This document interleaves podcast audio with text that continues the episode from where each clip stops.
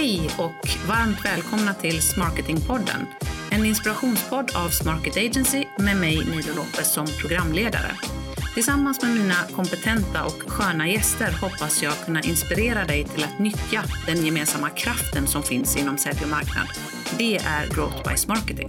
Nu kör vi! Yes, och eh, idag har jag en eh, grym gäst som heter Sara Larsen här på plats. Sara är eh, senior sales executive på Lido.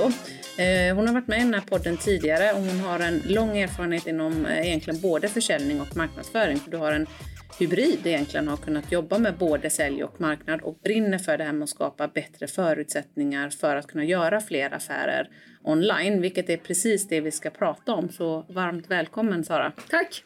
Jag tror att det förra avsnittet där du och Therese var med när vi pratade om just konvertering på sajten är en av de, eh, ett av de avsnitten som har gått väldigt, väldigt bra. Så kul att du är igen. Grymt! Mm. Det här ska bli jätteroligt.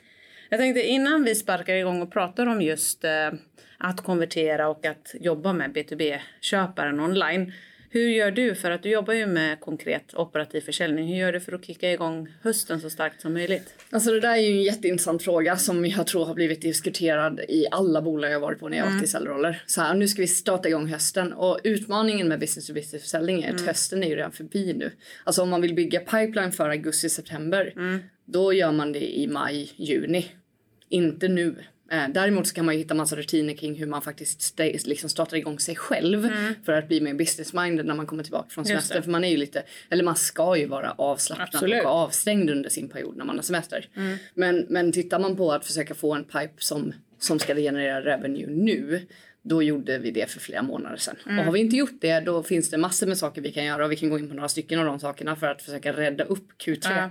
För det är egentligen det du sitter i nu. Eller Q4 då, för att det, där kan du väl börja mm. beroende på vad du har för, hur lång pipe. Ja men det beror ju på då. lite säljcykel också såklart. Om det är så att man har, typiskt när jag sitter med kunder, en typisk eh, säljcykel brukar vara två till tre månader. Mm. Från första interaktion eller första dialog som säljaren startar eller när leadet kommer in via online. Mm. Eh, så det, det vi gör nu för att skapa pipe, det kommer ju att betalas i Q4. Just det. Vilket mm. är samma sak som Q2 slut. Då ska du starta ditt Q3-arbete. Mm. Um, så så det, som, det som jag gjorde när jag kom tillbaka var egentligen att jag satte mig och uh, eh, mejlade och bekräftade alla möten jag hade bokade. Mm. För det vet vi också att det kommer Just att hända. Det. Att folk De har liksom glömt det, bort det. Mm, um, så det var det första. Så jag satte mig först och främst och ringde jag igenom alla mina möten ja. och bekräftade. Det gav mig en touchpoint till såklart mm. med kunden. Vilket alltid är bra. Och behöver man skjuta på möten eller förändra agendan då har man möjlighet att fånga upp det nu. Mm. Eh, och de jag inte fick tag på då skickade jag iväg en video. Det är bara hej nu ska vi snart ha möte. Jag förstår att sommaren har varit lång och du är mentalt någon annanstans men det här är agendan och det här är vad jag tänker mig att vi ska mm. prata om. För att bekräfta Kul för dem. med just video. Det kanske vi kommer komma in mer på senare idag. Men mm. använder du dig mycket av video? Jag skulle säga att var tredje mail eller sms som går ut från mig är nog videoinnehåll. Mm. Uh, för att jag tycker att det är ett sånt bra sätt att placera mitt ansikte och min röst mm. framför en köpare. Mm. Och när vi har en dialog med en kund för det första måste vi förstå att andra leverantörer pratar också med kunden. För om de gör sin due diligence då jämför de. Det ska de göra som Absolut. kund. Det är ja. så man gör sitt jobb som inköpare, att man ska jämföra. Och nummer två, två veckors tid i en arbetsdialog mm. utan någonting. Det är väldigt mycket tystnad. Ja, det är väldigt lätt att glömma. Jag menar, om man inte är en väldigt karismatisk person, de flesta människor är helt normala människor, liksom, mm. då glömmer kunden bort vem du är. Mm. Så använda video gör ju att jag får en möjlighet att placera min, min tonalitet, min röst och mitt budskap och mitt ansikte framför kunden mm. på ett sätt som gör att de börjar skapa en igenkänningskänsla runt mig. Ja, det förstår jag. Och, eh. och, du bygger ditt förtroende starkare. Vi pratade om det, jag tror att det var förra avsnittet med Lina när vi pratade om marknadsföring i kristid eller vad vi nu ska kalla det nu när vi går in i en lågkonjunktur det, det är möjligt att det förändras men om det är någonting som, eh, som vi måste tänka på är att förtroende är då ännu viktigare. För man kommer att gå till dem som man har förtroende för och det är lite det du skapar med video kan jag tänka mig också. Det är en del av det. Men jag tror också repetition. Jag menar ja. det vet ju du som jobbar inom marknadsföringsfältet att repetition av budskap Absolut. är jätteviktigt för att vi ska skapa en känsla som är en kontakt med personen och varumärket som, som personen har bakom mm. sig. Så för mig är video ett sätt att humanisera mm. vem jag är som person mm. samtidigt som jag kan få in värde i den dialogen. Så när jag väl hade gjort alla mina mejl med mina videos för de jag inte fick tag på då kom det ju in ett, ett gäng svar mm. som var så här, men vi måste skjuta på mötet eller vi måste göra det här eller ja men just nu så är det här inte en prio. Och då kan man ju fundera så här, men det vill vi väl inte röra, vi vill väl bara vänta till mötet så att vi inte riskerar att de bokar av. Mm. Och jag tycker att det är helt fel att tänka så. Jag tycker det är mycket, mycket bättre att kunden själv avkvalificerar sig. Sitter de med 15 olika marknadsprojekt just nu, just det. Då kommer jag behöva du vet, claw myself in. Mm. Och det är inte en bra situation. Mm. Så då är det bättre att kunden bara säger det till mig. news early liksom. Lite så, för att mm. ha kontroll över min pipe. Mm. Om man tänker operativt säljarbete och nu har jag ju sålt sedan 2004 en av de sakerna som jag har sett som en extrem styrka för mig är att jag connectar inte med en affär. Jag tar det inte personligt om kunden inte vill handla om mig. Jag jobbar på att fine-tuna mitt beteende i kundmöten, jag jobbar på att löpande mm. ge mig själv feedback och titta på inspelningar för att bli bättre. Men jag kommer aldrig bli arg eller frustrerad eller ledsen på en kund som bara, nej men just nu går det inte. Nej. Av olika skäl. Nej. För de har ju också en business. Absolut. Och att våga bli av med affärerna i pipen som antagligen inte kommer att hända. Mm. Det gör ju att jag har full koll på min pipeline så att när jag sitter med min chef och tittar på pipeline review som vi gör veckovis. Yeah. Då, då vet jag allt som, som händer i affärerna som ligger i min pipe. Jag har aldrig en situation, vilket jag tror är jätte, jättevanligt och jag har ju även jobbat med att coacha säljare. Det här är jättevanligt. Jag vet inte riktigt var vi är i den här affären. Och då blir att jag som chef, att säljaren inte vet, precis, då blir jag som chef, antingen har du för mycket i din pipe eller så har du bara inte kontroll på din pipe. Mm. Och båda de situationerna är inte bra. Nej, så att precis. själv vara full förståelse för varenda affär och kunna berätta stories om varje affär utan att behöva gå in och titta på anteckningar. Mm. För mig är det en, en jätteviktig mm. punkt. Så det är det du försöker ta tag i? Få kontroll igen. Efter sommaren? Precis. Mm. Och det hänger mycket ihop med att kunder, business to business, har ju också varit lediga. Ja, och saker har hänt i deras organisation och de sätter sig. Nu ska de, nu ska de också börja planera för hösten mm. även om hösten redan är här. Mm. Eh, och då måste man på något sätt komma upp på agendan igen. Eller bli av med kunden för att de just nu inte är de borde inte prioritera oss. För det finns massor med situationer. Jag, jag, tror att vi har en tendens att, att liksom gå tillbaka till att det handlar om vårt ego på något sätt. Ja, vilket, vilket är liksom helt irrelevant. Här har vi mm. en, en CMO eller en VD eller en försäljningschef som är CMO och, och liksom VP Sales är oftast min målgrupp. Mm. Som har tusen saker på sin agenda. Exakt. Och så sitter en säljare och bara, men de gillar inte min sak. Nej, men det, är inte, det har inget med dig att göra. Nej. Det har ju att göra med jag att de inte, har någon prior, de, har, de kan Nej. inte prioritera allt på en gång. Jag tror att det är en jätterelevant och väldigt bra tips som du ger där att kunna distansera sig från affären och inte ta det personligt. Mm. Eh, för då tror jag att man dels kan sätta sig in i kunden på ett mm. bättre sätt och sen också precis som du säger klara av att väcka björnen. För jag tror att många låter bli att ta de där samtalen för att de vill inte väcka björnen. De tänker jag har ju mötet inbokat. Ja. Eh, men det är mycket bättre att veta nu för då vet du ju om du om två veckor har för få möten ja. då får du börja bygga upp. Ja det skulle du som sagt börja bygga upp för ett tag sedan. Men om du då inser och kommer in, du får kontroll över din pipe när du sätter den in när du börjar i augusti och sen så faller 25% av affärerna bort mm. på grund av just den här dialogen. Mm. Nej men det går inte att prioritera det här just nu. Vi behöver skjuta på det här just mötet det. för den, den, den, typen av samtal kommer att komma. Delvis kommer du ett få jättemycket information från kunden när du har det samtalet. Mm. För då berättar de ju för dig varför det inte är prioriterat just nu så ni får en bättre känsla för när kan det bli intressant? Hur mm. borde jag hantera den här kunden framåt för att yeah. ta in dem i pipelinen igen? Nummer två, du inser också hur det faktiskt ser ut. Och då kan du göra snabbinsatser. Mm. Som det är en av de första sakerna jag gjorde när jag hade rensat ur min pipe då, på saker som att det här kommer inte hända nu. Mm. Det var mm. att jag satte mig och började ringa kallt. Mm. För nu måste jag ju fylla på. Och då behöver jag ju fylla på de närmaste veckorna. För vi har två till tre månaders säljcykel också. Mm. Så nu måste jag börja bygga vidare på min pipe inför Q4. Mm. Så att den är fylld med ny, nytt fräscht liksom, kundkonton Precis. som jag kan driva mot. Mm. Så att våga ta de här utrensnings... Nu jobbar jag med det löpande. Mm. Men att våga sätta sig var, åtminstone varje månad och bara rensa. Just För du det. har, alla som lyssnar nu som jobbar med sälj, ni har grejer i pipen som inte borde vara där. Bara clean it up. Bli mm. av med sakerna som kommer bara att göra dig förvirrad i din pipeline. Ja, jo, men det, det är helt... Uh, ja, men, jätte, men, men nu, måste jag, nu måste jag vända frågan Nilo. För att jag menar, ni, ska ju, ni tar ju in en säljare nu. Mm. Hur, hur, hur tänker ni kring pipeline-hantering och sånt? Vad har det varit för diskussioner kring hur ni förstår er affär? Jag är supernyfiken. På hur vi ska hjälpa honom att få mm. igång sin egen pipe? Ja, den, är, den är superintressant. Vi har inte 100% landat men vi har ju en del eh, vi har ju haft eh, den här möjligheten att vi säljer ju på nätverk mm. hittills mm. för att vi är fortfarande i en tillväxtresa. Men det nätverket tar ju slut någon gång.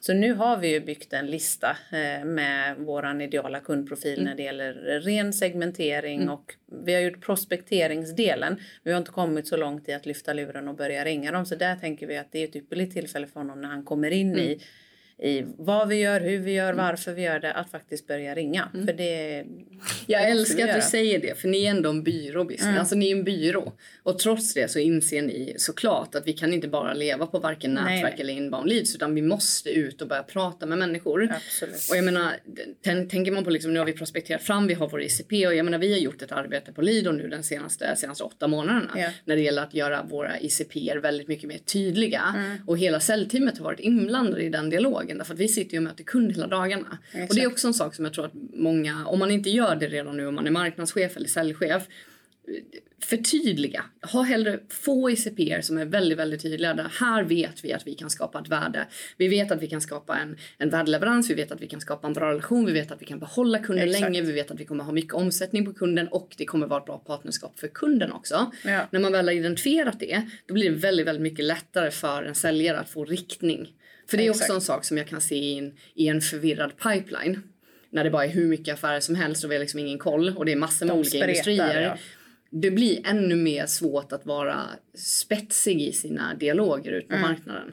Och jag tror att eftersom vi har gjort det arbetet nu så gör ju det att när jag då bestämmer mig för att nu ska jag, nu ska jag, nu ska jag jobba kallt ett tag mm. för att jag behöver bygga min pipe då har jag en lista på IT-bolag för det är de jag riktigt liksom inriktar mig på. IT och SaaS-bolag som är min sektor mm. i Sverige. Och nu är det bara att börja jobba med sekvenser och börja aktivera på dem. Exakt. Så det blir och väldigt det enkelt. Där, ja, det blir jätteenkelt och det är där som det är sköna i marketing och att jobba med sälj och marknad. Ja. För om du har den ideala kundprofilen och segmenteringen gjord, mm. då kan du ju parallellt jobba med marknadsinsatser som det som vi ska gå in på nu då. Mm. Hur hjälper vi då, eh, både från marknadssidan men också säljaren själv, att möta B2B-köparen? För jag vet att du har nämnt i ett inlägg eh, på LinkedIn att 17% av den tiden som B2B-köparen spenderar mm. i sin köpresa med dig som säljare, eller att den bara är 17 Mm. Resten av tiden sker online. Mm.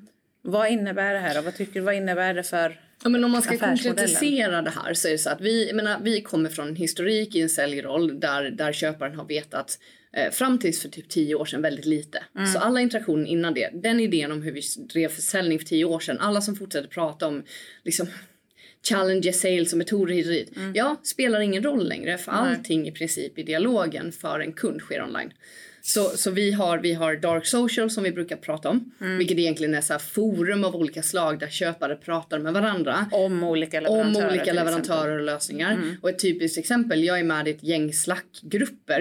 Mm, där köpare pratar med varandra om nu har jag den här utmaningen, nu har jag det här problemet. Där man Exakt. får peer, peer konversationerna som mm. sker.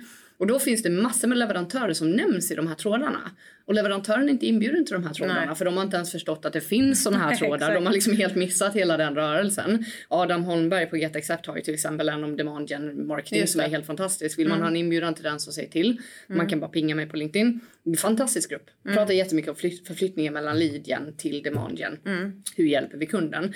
Och där rasslade leverantörsnamn till mm. höger och vänster i alla dialoger. Mm. Och eftersom leverantörerna inte känner till det här så sägs det massa saker om dem som de inte ens vet om. Och därifrån kommer det en hel del webbesökare som kommer in baserat på att någon har nämnt en leverantör i ett sånt här forum. och det är då dark social. Så det är en del av researchen som köpare gör. Sen har vi en annan del av researchen som bara är på våra hemsidor. Mm. Alltså väldigt naturlig, den här vanliga typ googla fram och hitta ja. leverantörer. Antingen för att man har hört om deras företagsnamn eller för att man har problem man googlar och bolaget är bra på att jobba med innehåll. Mm. Och därför hittar de fram till bolaget. Precis. Och sen har vi de andra delarna som är så här köpargrupper som är helt alltså fysiska nätverk som ja. nu håller på att komma tillbaka. Användarnätverk och liknande. Användarnätverk, ja, CFO-nätverk, VD-nätverk, alltså det finns hur mycket som helst mm. sådana fysiska situationer. Och det vi kan se, det här var Gartner siffror då från förra året. 17% av den hela tiden som en köpare är i en process för att hitta en lösning, mm. leverantören kommer senare, för att hitta en lösning på ett problem mm. tillbringas med olika eh, leverantörer. Och det är inte det ens bara kundmöten då? Ja, men för, för möten, fysiska möten eller online-möten mm. eller dialog eller telefonkontakt, mailkontakt, den så. typen av one-to-one mm. dialog. Och då är det inte ens 17% går till en leverantör. Nej, utan av de här 17 procenten mm. så finns det tre andra aktörer inblandade på olika sätt under mm. processen. Som också pratar med kund, som också hjälper kund, som också stöttar kunden sin mm. resa. Så säg att vi är kvar med typ 5 Mm. 5% av en hel köpresa där vi i vår säljroll får möjlighet att försöka interfacea kunden på ett sätt som gör att de får förtroende, mm. som gör att de känner att de vill gå vidare med oss, som gör att de förstår vår affärsmodell. Mm. Och, och så, på tal om det du sa innan, men varför video? Det här är anledningen. Mm. Därför att varje interaktion då skulle kunna vara i text. Eller så får de se mig om och om igen, höra min röst om och om igen. Mm. För att jag har bara väldigt få mötestider med dem. Så det är ett då... sätt att ställa om din affärsmodell menar du? Att, att tänka digitalt och inte så analogt i form av text, mail, sms? Om vi ska Hitta försöka skräddarsy det till den här situationen skulle jag säga så här, skapa en upplevelse för kunden mm. i alla forum du kan. Mm. Så om vi har webben som är en del där marknadsteamet tillsammans med säljteamet om man jobbar på ett bra mm. sätt ska driva en online-dialog där den dialogen måste vara mycket mer interaktiv än vad den är idag på de flesta hemsidor. Mm en av anledningarna till att jag gick in på Lido var för att det, hela vår plattform är till för att skapa en interaktiv mm. upplevelse för kunden. Och engage, engagera besökarna. Och aktivera mm. dem. Den andra delen är säljorganisationen. Mm. Så om vi då bara har den här 4-procentiga, 5-procentiga tiden med kund. Hur kan vi då göra, hur kan jag göra varje mail jag skickar till kund eller varje sms jag skickar till kund eller varje LinkedIn-kontakt jag skickar till kund till en upplevelse? Mm. Hur skapar jag en upplevelse? För det är det som kommer att göra att vi vinner framåt. Det är att skapa en upplevelse, en känsla hos kunden. Mm. Och då räcker det inte att vi skickar skicka textmail eller att vi bara har sekvenser där det bara kommer ut massa generisk eh, Nej. skräp i mail till kunder. Utan, och vi ska inte ha skriptade pitchar när vi ringer. Vi ska, vi ska vara skräddarsydda. Alltså det ska mm. inte vara någon generisk Nej, men Det ska vara en människa. Oh, och en där upplevelse. är ju att kunna skapa en upplevelse mm. som säljare. Det betyder ju inte att du måste ha superflashiga eh, mail eller superflashiga video. Men däremot så skulle jag säga att, att man här har ett ypperligt läge att, att jobba ihop med marknad. För marknad är ju generellt sett bättre på att tänka upplevelser. Mm. Eh, och tänka user experience? Mm. Vad, på vilket sätt kan vi... Jag håller till viss del med dig. -huh. nu, nu måste jag hoppa in här. För jag håller till viss del med dig och samtidigt inte. Därför att, för jag, jag har pratat om det här tidigare. Vad det är som skiljer mig i... Så här, vad kunden upplever mm. skiljer mig från andra säljare. Mm. Om vi ska bara vara liksom mm. lite jämförelse. För jag har en tendens att alltid fråga efter feedback.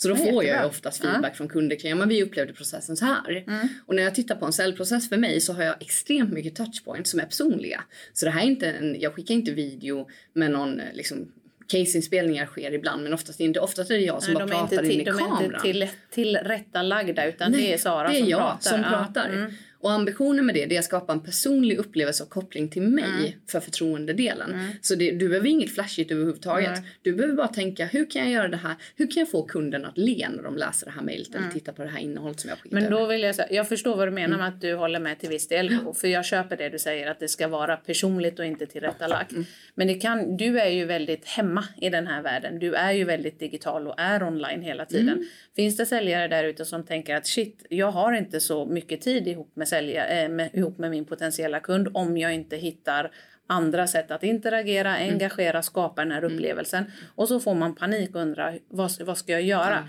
I ett sånt läge är det ju jättenaturligt. Ta tag i din marknadskollega, brainstorma idéer. Mm. Men för den sakens skull ska ni inte sätta upp en studio för Nej. att tillrättalägga massa videos. Så att eh, jag köper vad du säger men där är det så här bara gör någonting mm. annorlunda än mm. vad man gör idag. Och jag menar någonting annorlunda, jag kan inte ge ett typiskt exempel. Någonting annorlunda som, som jag gör det är till exempel att om jag får ett, om jag ringer en kund så får jag inget svar. Det är mm. en vanlig situation. Jag har sekvens, jag ringer kunden, jag får inget svar. Då skickar jag ett sms där jag skickar med en bild på mig där jag bara hej det är jag som söker dig. Och så mm. har jag en bild där jag bara visar tummen upp eller någonting, något positivt på mm. bilden och ler. Mm. Och så plötsligt så är det en människa som försöker nå dem. Så när jag säger skapa upplevelse, vi, vi cravar kontakt. Mm. Alltså vi lever i en värld där ja. vi är extremt bortkopplade från, därför att allting är online. Precis. Vi är extremt bortkopplade från den personliga relationen så som det ser ut idag. Mm. Om man bara tittar på hur köpare beter sig. Att de, de ser företag som leverantörer men de mm. har, ibland så går de igenom en hel process när de till exempel köper en mjukvara online där de aldrig ser en enda människa som jobbar på det här bolaget. Men vi cravar ändå kontakten. Och vi kommer se det nu efter corona, för corona bara liksom accelererade det här beteendet. Vi kommer se nu att vi mer och mer söker personliga upplevelser mm. i form av fysiska möten. Mm. Så någonstans behöver vi det här därför att vi är människor. Vår hjärna har liksom inte ändrats även om vår digitala Nej, landskap precis, har förändrats. Ju... Och jag tror att utifrån en affärsmodell, det vi behöver titta på för säljsidan det är vad är det vi mäter? Mm. Mäter vi engagemangsnivå hos, hos eh, mm. casen som vi har i vår pipe? Tittar vi på hur mycket de tittar på innehållet säljarna skickar? Mm. Tittar vi ens på hur mycket de läser våra mejl eller hur mycket de interagerar med all annan kommunikation förutom mötet? För börjar man mäta det då kommer man snabbt att se att de affärerna som kommer i mål det är de där vi har mycket touchpoints, där det är mycket personligt innehåll mm. och där det är mycket upplevelse för kunden som gör att de blir engagerade i vår process. Här fallerar 90% av alla säljorganisationer. Mm. För man jobbar med mallar av olika slag, både Exakt. i sina interaktioner när det gäller mail, i sina interaktioner när det gäller hur man får ta kontakt med en kund. Mm. Jag, menar, jag använder sms extremt mycket, jag använder bild i sms jättemycket. Men jag gör också en bedömning i alla kundmöten. Är det här en person som skulle uppskatta att få en bild eller inte? Mm. jag kommer ihåg, jag hade en, jag hade en, eh, jag gjorde en inspelad video där jag ville berätta om vissa, vissa av de här tipsen vi pratar om nu. Och så var, pratade jag med mentor och han bara sa, men Sara, du känner av om personen vill ha det här eller inte mm. på ett helt magiskt sätt för du pay attention när du sitter i möten. Mm. Så jag var tvungen att inte lägga ut den videon för jag inser så här, nu kommer folk börja skicka bilder till höger och vänster och så kommer kunden tycka att det är jättekonstigt ja. för det är inte alls deras person. Nej. Här måste man våga ut, utmana sig själv. För du sa det, nu sitter det säljare och tänker, och ja det är klart det gör. De sitter där och tänker så här, men, men vadå video i mail? Vad ska jag, vad ska, jag, är ingen, jag är ingen tv-stjärna, jag kan inte. Nej. Och egentligen så är det bara tillbaka till basic. Du var inte bra på att ringa kallt när du började ringa kallt heller. Nej, och sen gjorde du det. Mm. Om och om och om igen. Och jag lovar de första hundra samtalen, they weren't good man. Det är Nej. träning det handlar om. Ja. Så när jag började jobba med video, det första jag gjorde var att jag gick hem, satte mig och spelade in typ så 40 videos. Mm. Bara för att vänja mig vid formatet. Och nu så gör jag det på automatik därför att det gör att folk engagerar sig mer tillbaka. Jag ser vinsterna i mm. det här. Men det handlar bara om att komma över sina trösklar. Och jag känner någonstans, för nu har jag jobbat med att utbilda säljare under, alltså 2016 i social selling och modern försäljning och hur vi ska yeah. resonera. Och jag börjar, bli, börjar komma till the end of my rope när det gäller idén om att ja, men jag vet inte hur man gör okej, okay, Youtube man. Det finns, det finns ja. utbildningskanaler för det här. Bara ja, läs ja, på och gör. Och det finns ju hur mycket enkla verktyg som helst för att... Och eh, gratisverktyg. Det finns hur mycket gratisverktyg som helst. Jag menar, Vid gör det gratis. Vi har, vi har Hunter som är en prospekteringsmotor som är helt gratis. Vi har LinkedIn. Alltså det mm. finns hur mycket som helst. Men då måste man bestämma sig för att nu vill jag, om fem år vill jag ha ett jobb. Och vi är på punkten hela tiden där vi närmar oss en plats där, där säljare inte behövs längre. Det är därför det bara är 17% kvar av tiden till oss Precis. nu. För vi ska gå mot self-service sales helt online. Ja. Kunder pratar om att de är villiga att lägga 500 000 US dollars på ett köp utan att prata med någon mm. i USA. Ja, men den, den, eh, har jag, den har jag också tittat på just den Gartner-rapporten och det, det betyder ju inte att de inte lägger tiden med oss som leverantör. De gör ju det, men de gör ju det som du säger i Dark Social, de lägger det på vår hemsida, de lägger det i olika öppna sociala kanaler. Så att det handlar ju inte om att eh, den här skrämselpropagandan att nu har vi inte kontroll över köpresan och så lite tid spenderas med oss som säljare.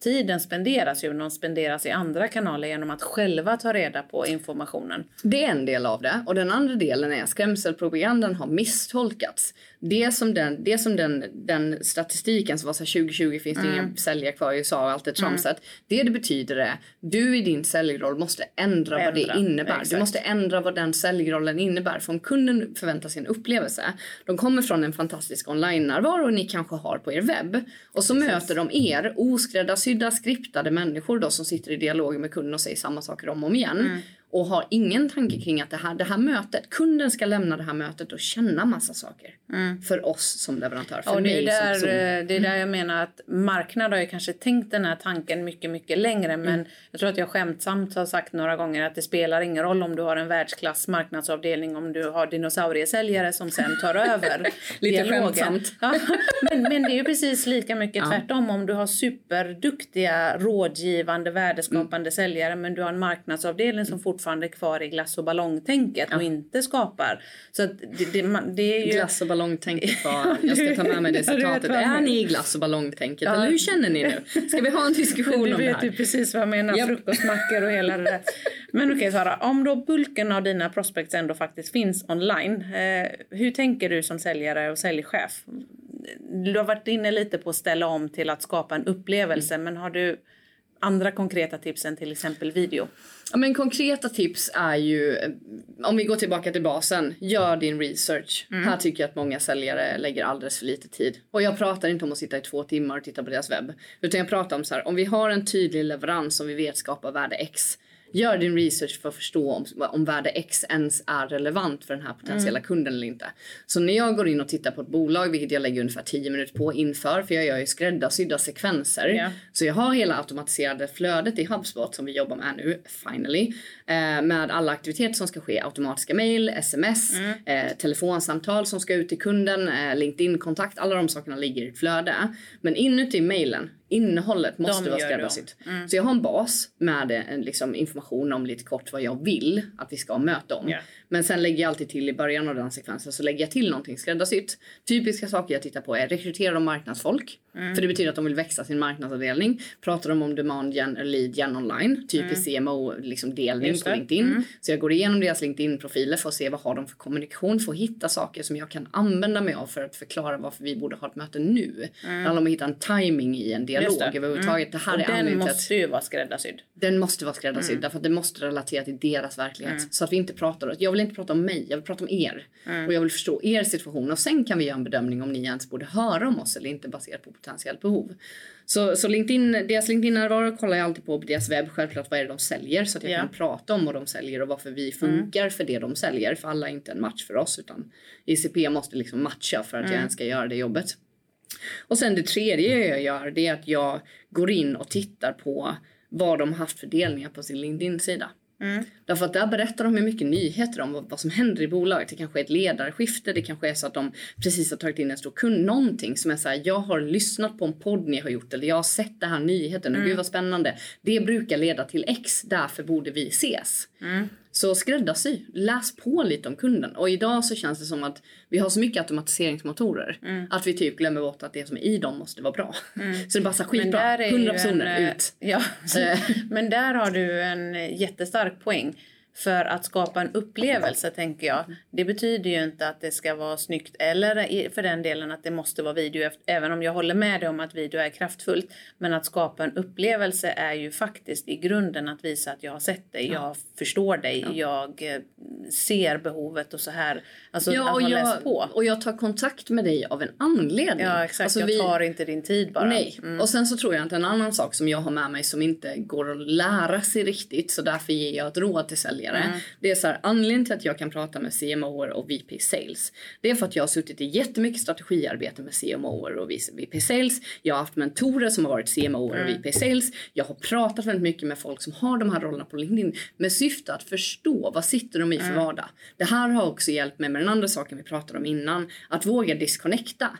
Så här, mm du måste förstå vilken vardag de här ledargrupperna sitter i. Precis. Det, det är... handlar inte om att vara taskig mot dig för att de inte svarar utan de det, är, inte. det är så mycket ja. som de är ansvariga för. Mm. Och de är oftast ansvariga för väldigt splittrade saker. De är anställda för att coacha folk men i grunden så gör de allt annat. Mm. Och det här skapar en enorm press och stress för en sån här typ av roll. Mm. Förstå det. Så acceptera, du är inte ett prio därför att du har inte byggt anledning till varför du borde vara det ännu. Nej. Så du måste jobba för att få access till att bli prioriterad. Mm. Vilket är helt rimligt och inte personligt mot mig överhuvudtaget. Mm. Men tillägg där.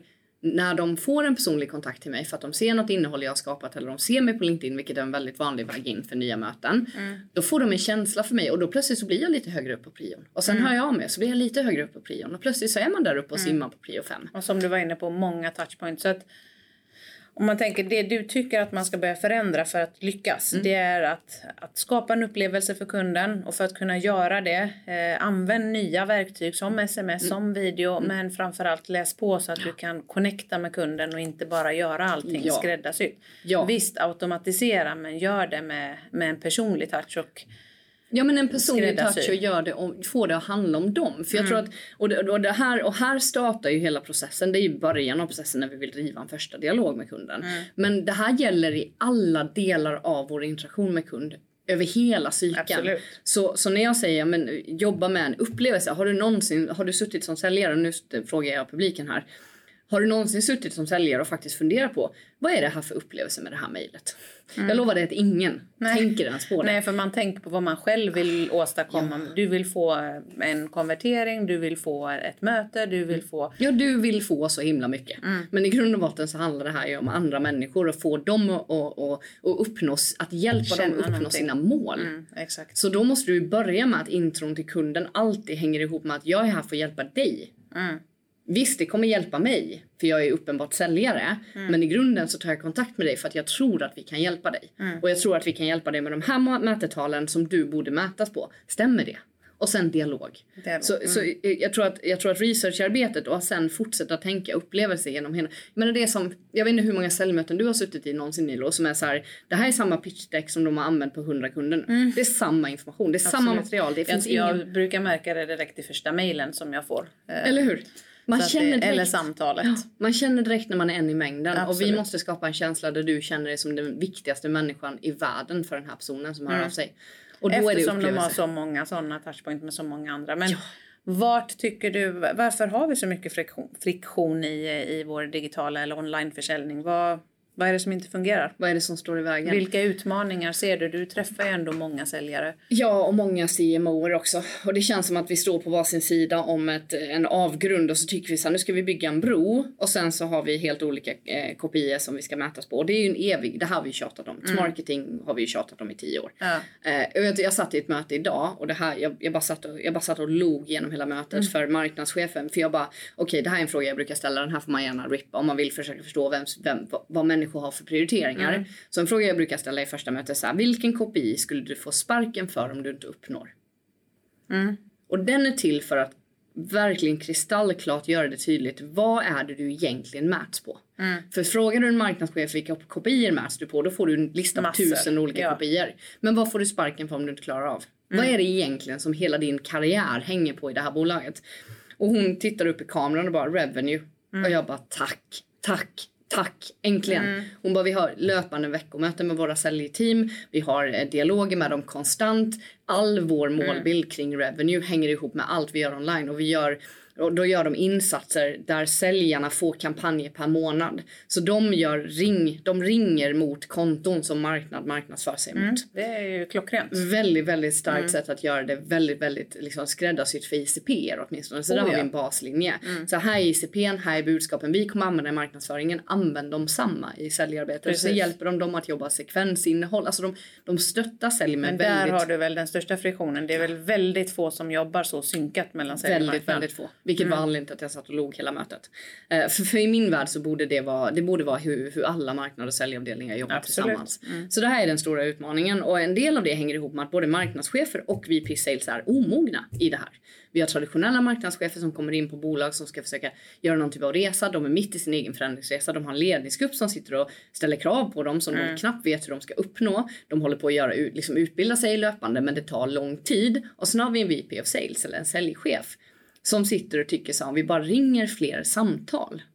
Och redan där så är vi, så är vi ute och cyklar. Och mm. tro mig när jag är väldigt tydlig med att jag, jag tycker att alla ska ringa kallt när man sitter i en säljorganisation. Absolut. Också. Vi ska börja med de varma leadsen och sen ska vi ringa kallt. Därför att ringer man inte kallt då tappar man skillsetet i att föra den typen av dialog. Mm. Men kallt ska vara skräddarsytt.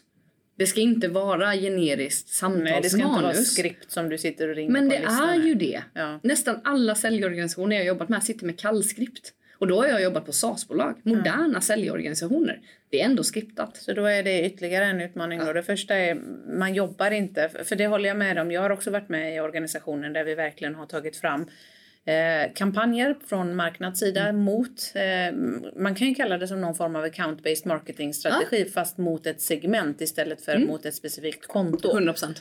Och sen där, och då har vi tagit fram det baserat på kanske en topp 50-lista mm. som säljarna har. Mm. Det är de här som de kommer ringa på mm. det här kvartalet mm. eller det här halvåret. Mm. Det är de vi kör våra marknadskampanjer ja, mot. Så precis.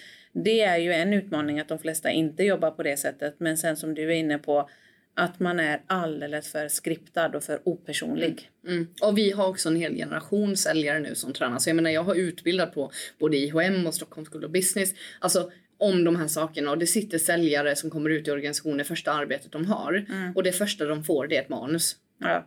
Så jag menar någonstans är ju det här en ledningsproblematik. Det är inte en problematik kring vad säljarna gör. För de, blir, de gör ju vad de blir tillsagda. Ja. För de är oftast juniora, speciellt om man går in i liksom en SDR-roll eller Mm. ska ringa och boka mötet. Man är jättejunior. De bästa SDR-erna jag har jobbat med de, de, de, de har liksom en 80% bokningsfrekvens för att de, de är väldigt fokuserade på vissa konton. Mm. Och sen så ringer de tills de får tag på personer och sen bokar de det mötet därför att de har en så skräddarsydd pitch att det finns inget sätt att säga nej. Mm. Det är de bästa. Men då jobbar man ju med stora enterprise-projekt eller liknande där man Mm. har en mindre hitlist eller önskelista som jag vill kalla det istället för hitlist. Jag vet inte varför jag använder så mycket aggressiva. Det är bra. Ehm, Nej men en önskelista som ser annorlunda ut där man har väldigt få konton som man kan fokusera på där man måste komma in. Mm. Men jag menar säljare som jobbar SMB kan jobba likadant. De kan ha en månadsfokusering. Nu är det den här ICPn jag ska jobba mot den här månaden. Mm. Jag ska välja bolag som är den här storleken som har den här utmaningen och nu ska jag bara fokusera på att prata med dem. För då blir också retoriken i de samtalen efter några sådana samtal då blir det bättre. Retoriken blir bättre för man börjar förstå vad de har för invändningar, tankar, funderingar, utmaningar och då kan man börja prata till det. Men vi har fortfarande väldigt många säljorganisationer som inte är industrispecifika i sin säljroll. Som inte har någon grundläggande kompetens i vad, det, vad den verksamheten som de försöker ta kontakt med faktiskt har för problem. Som inte jobbar med mentorskap i den gruppen. Som sagt, jag har suttit, mina, mina mentorer har varit VP Sales och CMOs. Jag har suttit liksom i långa, långa online-samtal med sådana roller. Där jag bara har ställt hur mycket frågor som helst om vad är det du egentligen gör om dagarna. Bara för att bättre förstå. Ja. För då kan ju min retorik bli helt annorlunda. Så bara senast jag pratade med senaste CMO'n här så fick jag höra det här. Har ni samma utmaning?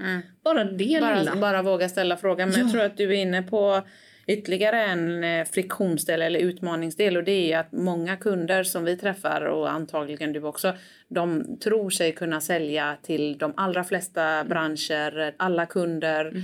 Och det, då, eller de vill snarare inte välja. Nej. För då, vill, då är de rädda att de väljer bort. Det. Men det är ju också det är jättesvårt att vara, skapa en upplevelse och vara personlig och skräddarsydd Mm. om du inte åtminstone månad eller kvartalsvis fokuserar på ett Mm. Ja segment. men något segment. Och Jag tror att jag hade en annan, ett annat kundmöte förra veckan med en, en VP of Communication som också sitter med deras varumärkesarbete om man tänker utifrån Telia. De har, de har en produktportfölj med 36 olika produkter. 30 olika bolag jobbar i olika regioner med att sälja det här. Då är det så här, ja, men okej, men om vi har ett bolag som säljer e-commerce och så har vi ett bolag som säljer CRM-miljöer för typ Dynamics. Hur ska vi vara spetsiga? Och det är så här, ja men alltså ett sätt att göra det på det är ju att vi har ju ett gäng säljare. Ge dem en vertikal.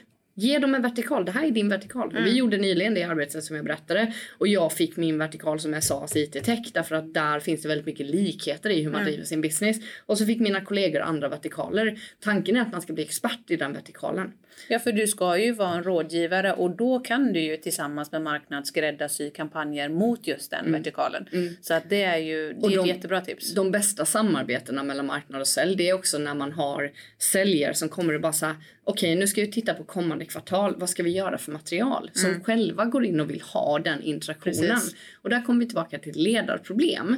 Därför att de flesta säljledare de vill ju att säljarna bara säger nej men huvudet ner och ring. Huvudet ner och ring. Engagera, nej bort med alla andra sidoprojekt. Var inte så engagerad här borta. Marknaden får sköta sitt.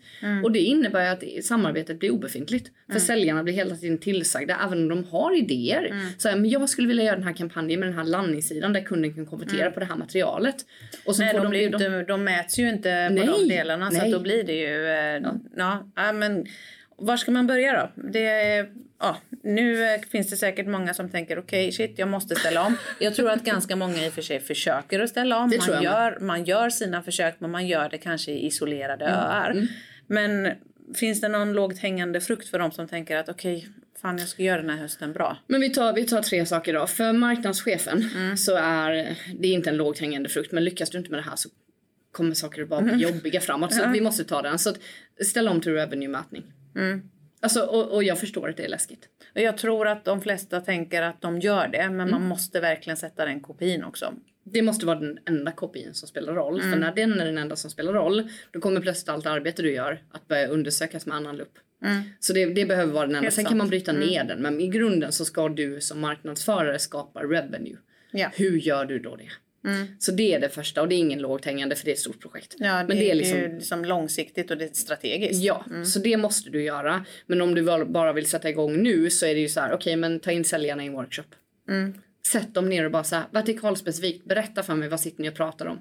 Ta med dig innehållsproducenterna. Du har om du har några, låt dem lyssna. Mm. Det är liksom lågt hängande Så då får du massor med contentpersoner, säljare in i en workshop yes. för att brainstorma kring vertikalspecifika yes. utmaningar som yes. vi hjälper till med och på vilket sätt vi hjälper ja. till med det. Mm. Och sen har de gjort sin del genom att berätta för er vad de sitter i för samtal. Sen är det upp till er på marknadsavdelningen att börja producera content som relaterar till det här. Yeah. Och då skulle det vara föredraget om du samtidigt med säljchefen sätter dig och bestämmer vilka fokus ska vi ha under Q3 och Q4 när det gäller content och vilka vertikaler ska vi vara fokuserade på så att han kan sätta sina SDR på att ringa samma typer av bolag. Exakt.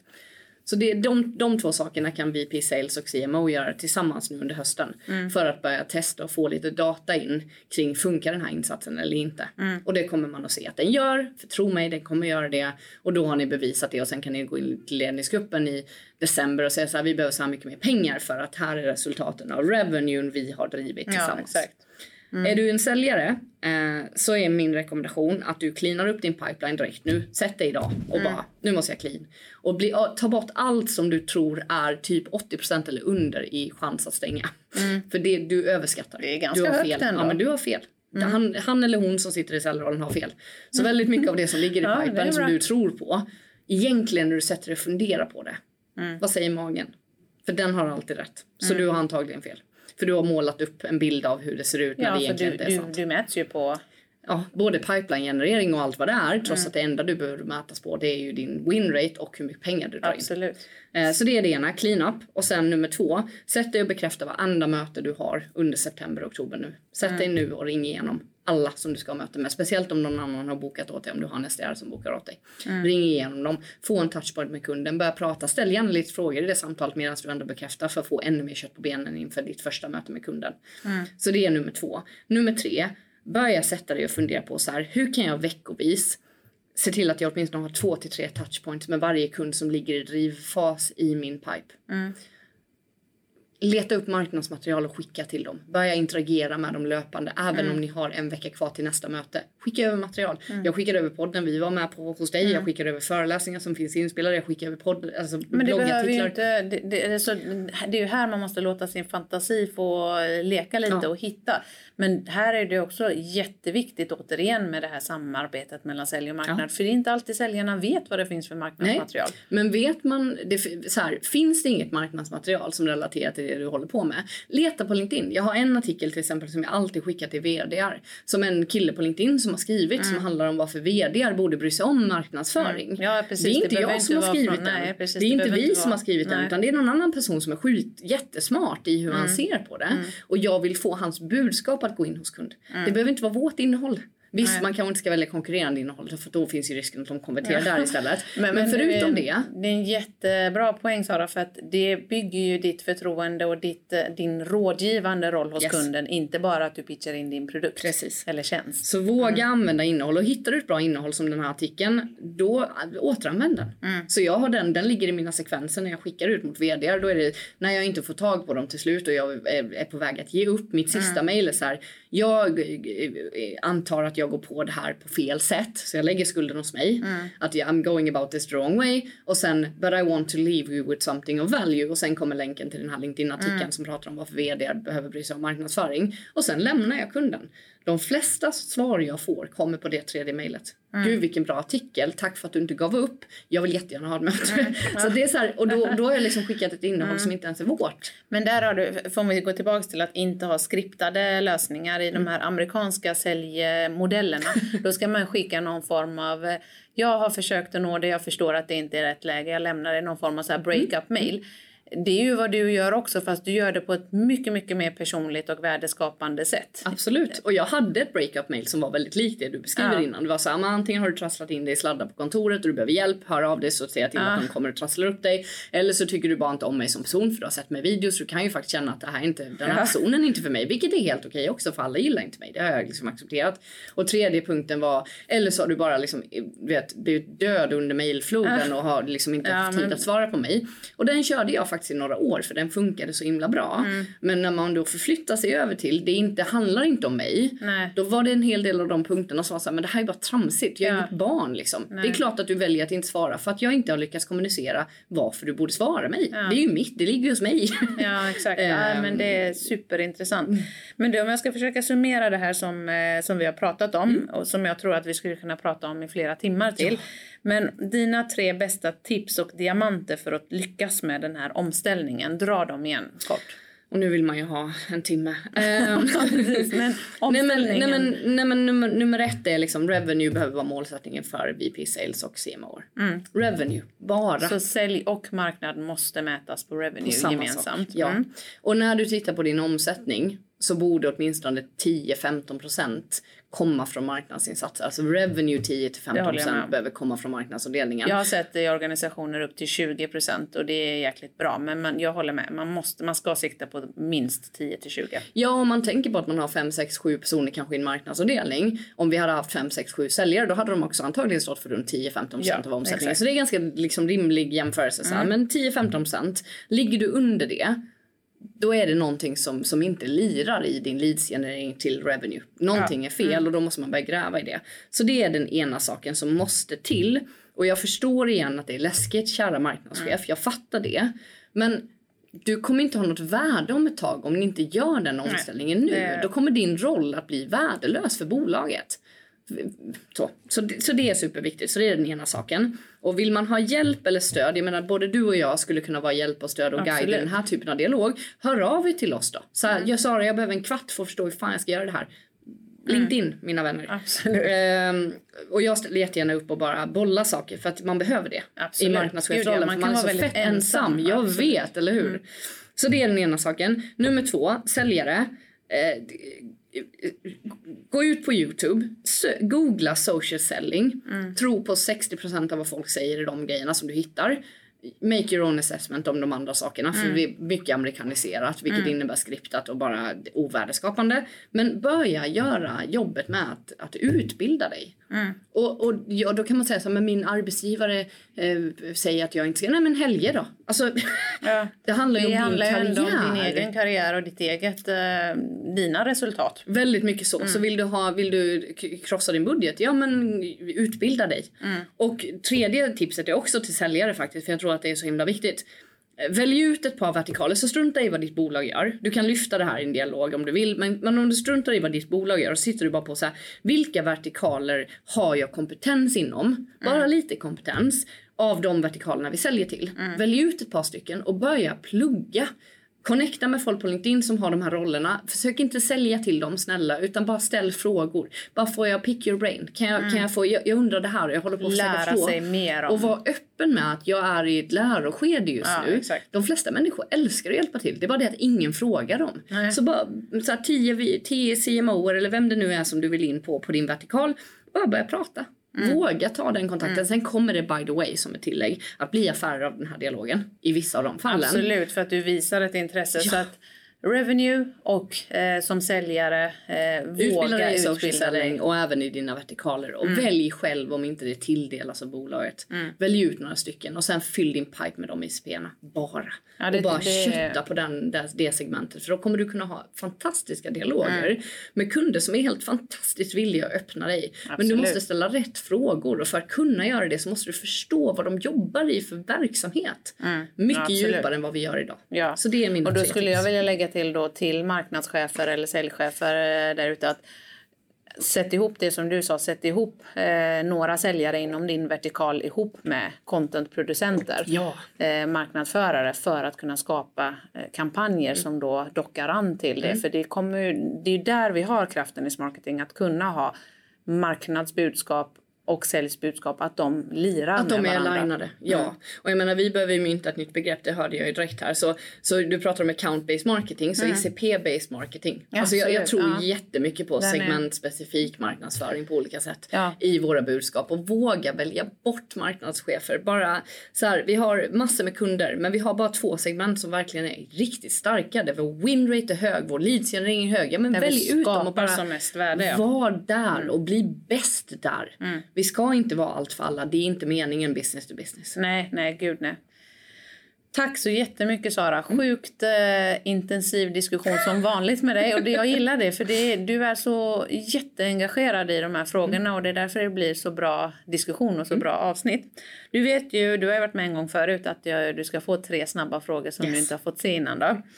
Eh, nu får vi lära känna personliga Sara eller privata Sara. Sena kvällar eller tidiga morgnar? Jag hatar morgnar. Sena kvällar, alltid. Okay, jag hatar både sena kvällar och tidiga morgnar. Du bara mitten av dagen, det är då jag lever. Jag gillar att sova helt enkelt. Det är bra. Okej, okay. den här då Sara. Sälj eller marknad? Sälj. Ja, och det var du jättesnabb på. Oh. Klarar man sig utan den andra? Nej, det gör man inte. Men jag älskar kundmötet för mycket. Mm. Alltså det är den här möjligheten att bygga one-to-one förtroende. Jag, jag älskar Men det. Jag, jag håller med. Jag, jag, om jag hade fått frågan hade jag valt eh, säljande marknad. Mm. alltså, för det är, ju, det är ju i kombinationen som, mm. som det härliga mötet sker.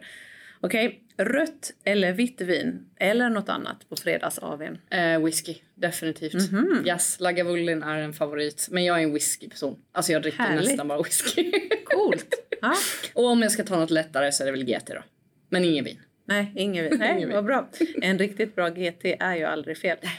Tack så jättemycket Sara för att du var med och delade dina insikter idag. Och eh, tack till dig som var med och lyssnade. Vill du ha mer tips kring modern försäljning och marknadsföring så in och följ Smarketingpodden där poddar finns. Och skicka gärna in tips på gäster eller ämnen till hej smarketagency.se eller på LinkedIn, Instagram eller Facebook. Vi hörs snart igen. Hej då!